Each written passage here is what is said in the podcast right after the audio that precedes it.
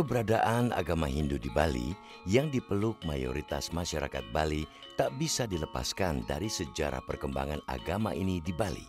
Dalam sejumlah studi sejarah, agama Hindu yang berkembang di Bali banyak memadukan keyakinan agama Hindu yang datang dari India dengan berbagai kepercayaan lokal masyarakat Bali. Agama Hindu masuk dan berkembang di Bali dengan cara damai dan terbukti membawa kedamaian hidup pada masyarakat Bali.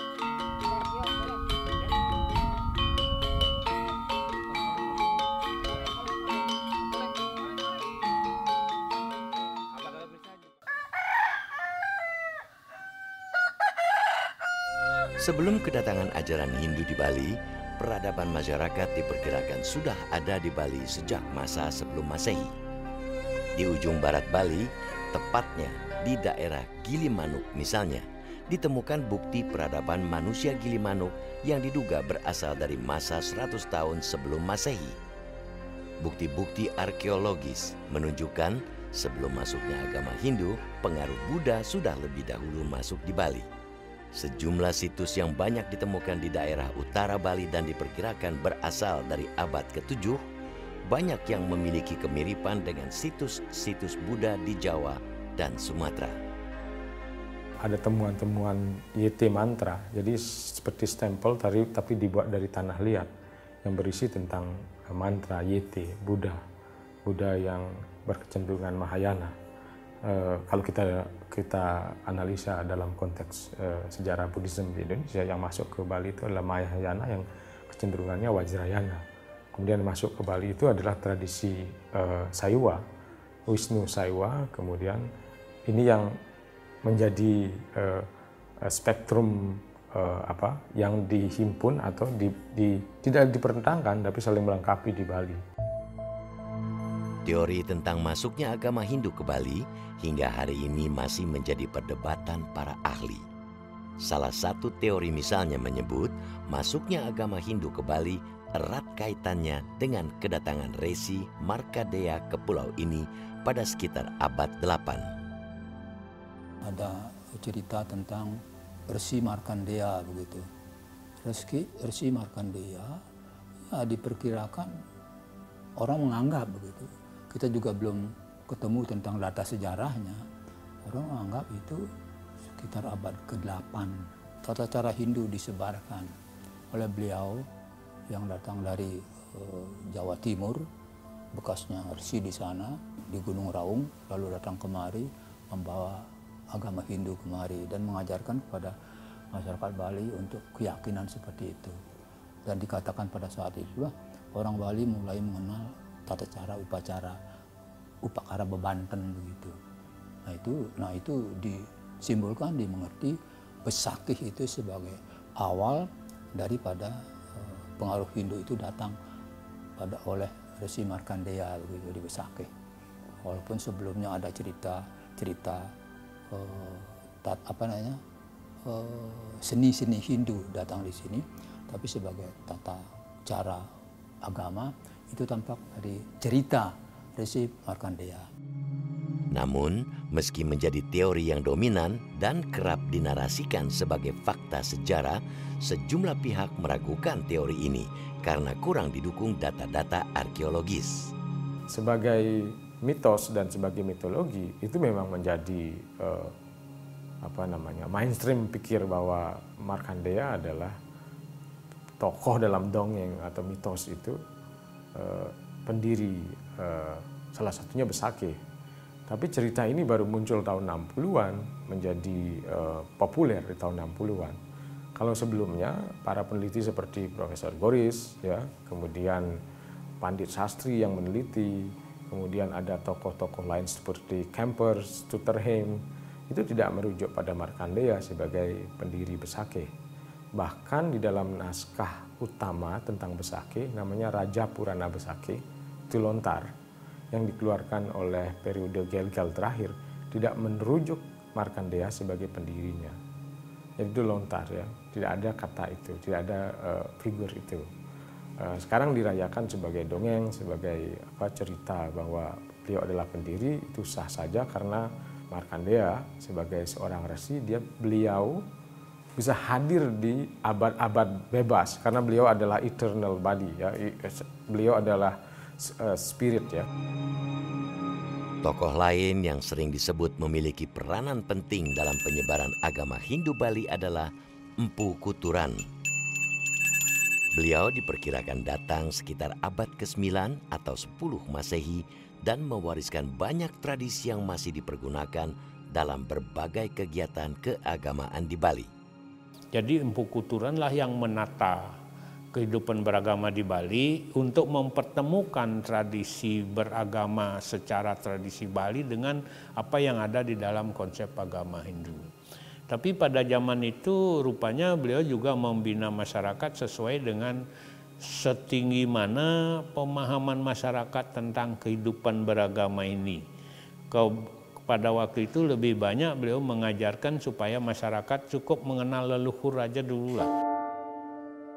Meski tidak ada data arkeologis yang secara eksplisit menjelaskan, banyak ahli berpendapat masyarakat Bali menerima pengaruh ajaran Hindu dengan tangan terbuka. Hal ini sangat dipengaruhi keluasan ajaran Hindu yang menyatu dengan adat dan kebiasaan masyarakat setempat. Data arkeologis tidak bisa menjelaskan bagaimana keadaannya, tetapi bukti bahwa kehinduan sampai diterima di pedalaman Bali di tengah-tengah Pulau Dewata itu artinya masyarakat sudah menerima dengan tangan terbuka. Sama dengan di Jawa, karena prasasti Canggal itu ditemukan di pedalaman Jawa Tengah, di daerah Magelang. Itu menunjukkan bahwa masyarakat Bali kuno, Jawa kuno menerima pengaruh India itu, menerima agama Hindu Trimurti itu. Pertanyaannya, mengapa mereka menerima? Jawabannya adalah bahwa mereka memerlukan hal baru. Untuk apa? untuk mencapai kemajuan peradaban mereka sebenarnya. Jadi diperlukan. Sejalan dengan masuknya agama Hindu di Bali, sistem pemerintahan kerajaan juga muncul dan berkembang di Bali. Prasasti Blanjong di daerah Sanur yang bertarikh 921 Masehi menjadi prasasti pertama yang menyebutkan tentang keberadaan pemimpin atau raja di wilayah Bali sistem kerajaan hipotetik belum ada dalam pengertian kerajaan yang seperti India gitu. Yang ada mungkin adalah sistem pemerintahan kelompok-kelompok komunitas atau desa. Kalau di Jawa namanya wanua. Uh, ada juga yang disebut dengan uh, tani kalau di Jawa bagian timur. Itu memang ada. Nah, sangat mungkin para ahli berpendapat inilah ketua-ketua wanua itu, para pemimpin wanua itu yang namanya para rama, itu yang akhirnya berinteraksi dengan para Brahmana, baik yang datang membawa agama Buddha ataupun yang membawa agama Hindu. Dan mereka kemudian setelah terjadi interaksi, lalu eh, mendapat pengaruh ajaran Hindu dan Buddha itu. Dan mulailah diajarilah mereka tentang suatu sistem yang memerintah secara baik dengan wilayah yang cukup tertata, namanya kerajaan. Jadi sistem kerajaan itu bersamaan berkembangnya dengan maraknya penerimaan agama Hindu dan Buddha. Meski sejarah masuknya agama Hindu di Bali masih menjadi perdebatan, keyakinan yang merupakan harmonisasi kepercayaan lokal Bali dengan ajaran-ajaran Hindu yang bersumber dari kitab Weda yang berasal dari India ini masih hidup dan mengakar kuat di masyarakat Bali hingga kini. Hal ini Salah satunya terlihat dari banyaknya peninggalan pura dari masa awal masuknya ajaran Hindu di Bali yang hingga hari ini masih digunakan sebagai tempat peribadatan. Pukuturan inilah yang berjasa uh, untuk menyatukan berbagai aliran-aliran sekte-sekte yang ada di Bali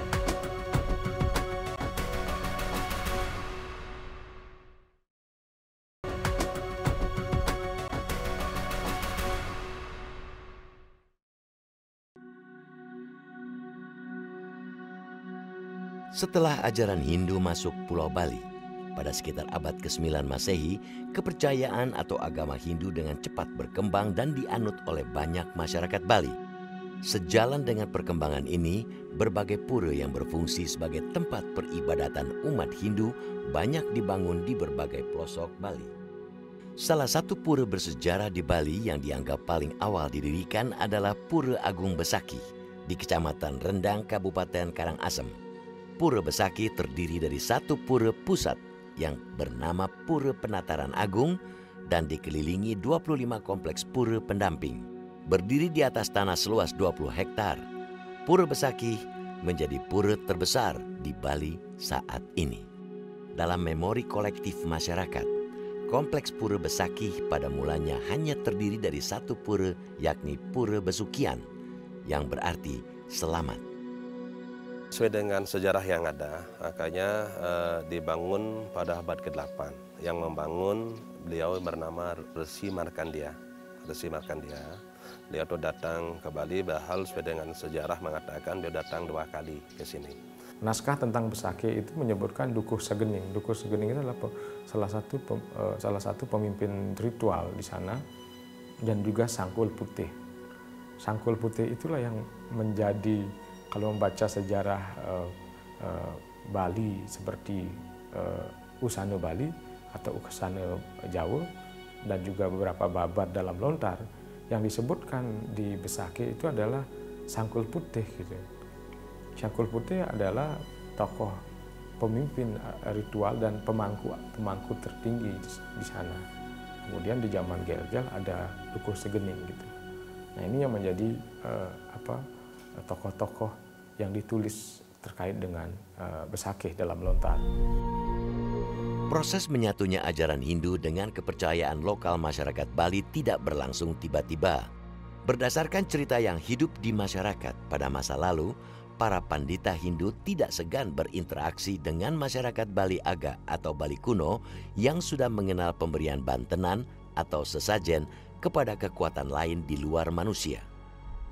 Sesuai dengan cerita, sebagai babat dalam Bali Haga atau Bali Muda, dulu pun sudah mengenal yang disebut dengan bebantenan. Artinya berupa ya pada maklum zaman itu mungkin disebut artinya uh, orang percaya terhadap Tuhan yang di mana posisinya tidak seperti sekarang. Beliau mungkin pada saat itu ada batu dan sebagainya. Beliau artinya mewujudkan Tuhan berupa apa pun, artinya juga membuat berupa sesajen. Padahal daksina pun sudah ada zaman hidup pada zaman hidup zaman Bali Pulina. Upaya meresapkan berbagai ajaran Hindu dalam banyak cerita di Bali pernah dilakukan dengan sangat baik oleh Empu Kuturan, salah satu tokoh penting dalam sejarah agama Hindu Bali. Empu Kuturan misalnya berhasil menyisipkan ajaran Weda pada upacara adat masyarakat yang kemudian menjadi awal harmonisasi ajaran Hindu dengan kebudayaan lokal. Kuturan ini beliau datang ke Bali karena melihat situasi di Bali seperti itu dan orang-orang Bali Hage yang ada di sini maka beliau tuh memaknai sebuah perkara banten-banten yang ada di Bali. Saji-saji yang ada di Bali disisipkanlah beda oleh Empu Kuturan dan diberi nama, maka setelah itulah sistemlah muncul tingkat semerti. Awalnya kan seruti, maka dimulai seruti dalam hati pengetahuan yang yang benar dan seperti masih kata tafsiran. Sejalan dengan semakin banyaknya masyarakat Bali yang menganut ajaran Hindu, Empu Kuturan menggagas pembangunan kompleks pura lain di sekitar Pura Besukian. Kompleks ini kemudian disebut Pura Agung Besaki. Pukuturan inilah yang berjasa untuk menyatukan berbagai aliran-aliran sekte-sekte yang ada di Bali menjadi tiga tempat pemujaan yang disebut Tri Kahyangan. Jadi tempat memuja Trimurti saja. Bergabung dalam Siwa Sidanta. Jadi ada Pura Desa, pemujaan Brahma, Pura Pusah, pemujaan Wisnu, dan pura dalam pemujaan Siwa Durga. Jadi Brahma, Wisnu, Siwa ini Trimurti. Kemahakuasaan Tuhan yang satu itu dalam mencipta, memelihara, dan melebur. Dia adalah Brahman yang Esa. Pura terbesar dalam kompleks Pura Agung Besakih adalah Pura Penataran Agung yang berdiri di tengah kompleks Pura Agung Besakih. Pura ini terdiri dari tujuh mandala yang melambangkan Saptaloka atau tujuh lapisan alam. Ketika Majapahit di Jawa runtuh, makanya pengaruh Hindu, jadi tokoh-tokoh Hindu pergi ke Bali.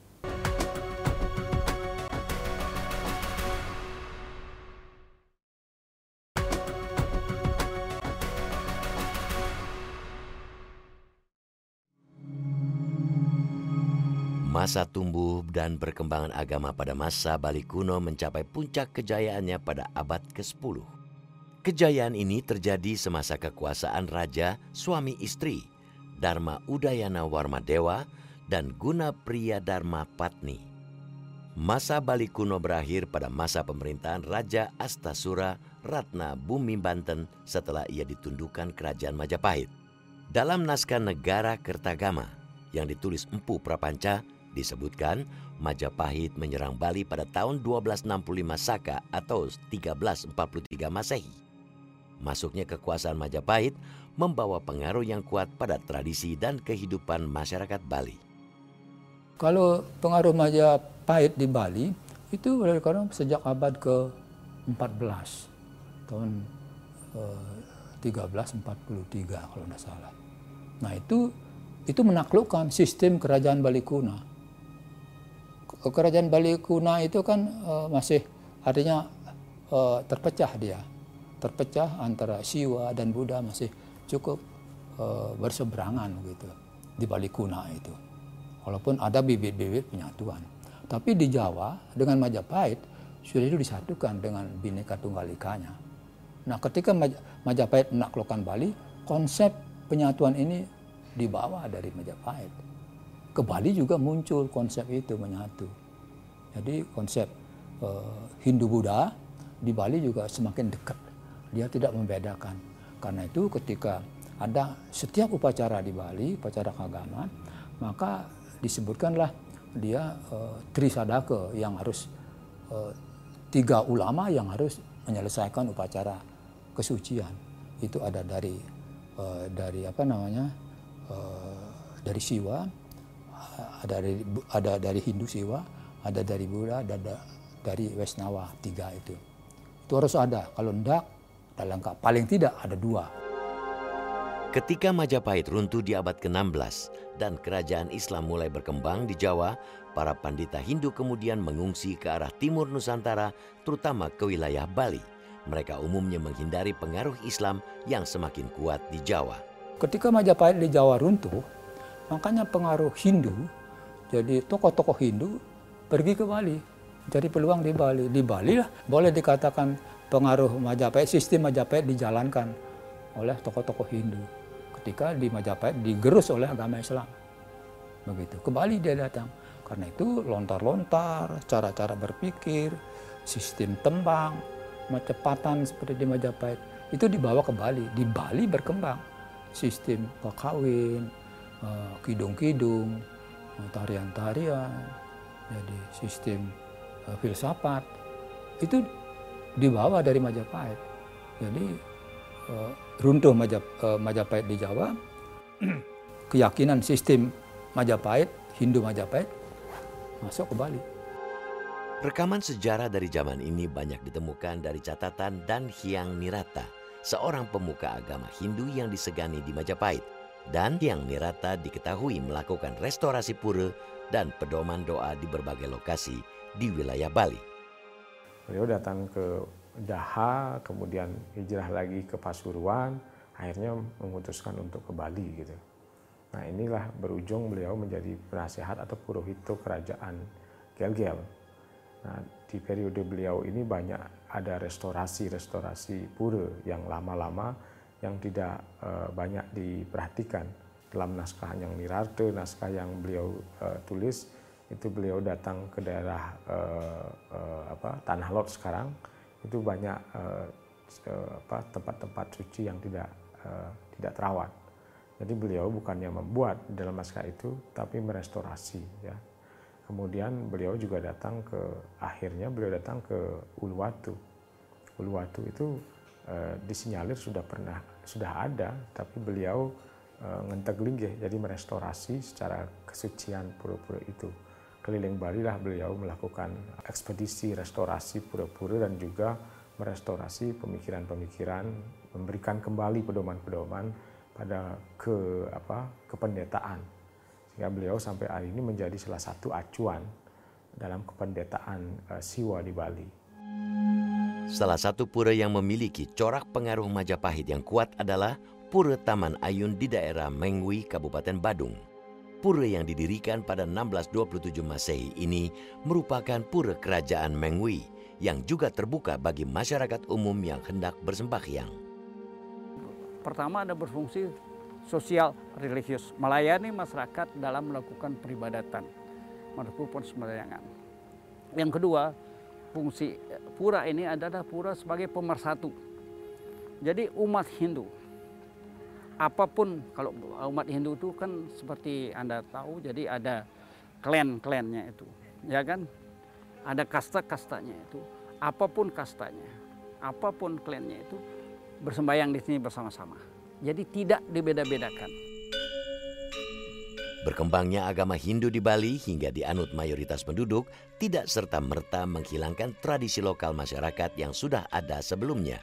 Hingga kini, banyak tradisi lokal yang telah melebur dengan ajaran-ajaran Hindu tetap dilestarikan dalam berbagai bentuk upacara keagamaan yang mewarnai kehidupan beragama di Bali. Hari Raya Nyepi yang diperingati umat Hindu sebagai pergantian tahun Saka misalnya, merupakan satu hari suci yang mencerminkan akulturasi budaya di Bali. Bagaimana caranya memperingati tahun baru Saka itu?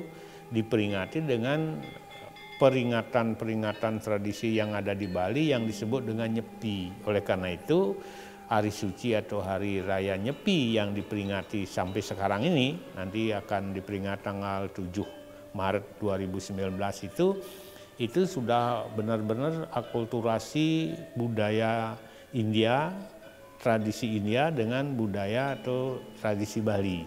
Nah, dengan diperkenankannya tradisi-tradisi ini tetap dijalankan, dijiwai oleh agama, itulah sebabnya dia lalu, lalu disebut dengan agama Hindu Bali. Jejak panjang perkembangan agama Hindu di Bali hingga kini juga masih bisa dilihat dari tata upacara, doa, sembahyang, dan desa adat di Bali yang telah berlangsung sejak berabad-abad silam dan masih dilestarikan ada tradisi besar ini yang memberikan sesuluh cara pikir yang membuat kita merasa uh, menemukan kedamaian. Nah, saya pikir uh, penting sekali melihat periodisasi itu, tetapi praktek harian kita ya yang jauh menjadi intinya. Karena sejarah bisa berubah, sejarah bisa diinterpretasikan apa saja oleh kepentingan apa saja. Tetapi yang yang kami kerjakan di rumah-rumah adalah tradisi puja, tradisi ritual, Itulah yang menjadi sangat penting menjadi harian kita yang memuliakan leluhur, memuliakan batin kita, memuliakan siapa yang memberikan kita hidup. Itu adalah eh, pokok daripada pengajaran Hindu di Bali. Keunikan sejarah perkembangan agama Hindu di Bali bisa menjadi contoh yang sangat baik tentang bagaimana ajaran agama dan tradisi bisa saling memperkaya dan menghidupi untuk menghadapi laju dan gerak zaman dalam semangat kedamaian dan saling membutuhkan.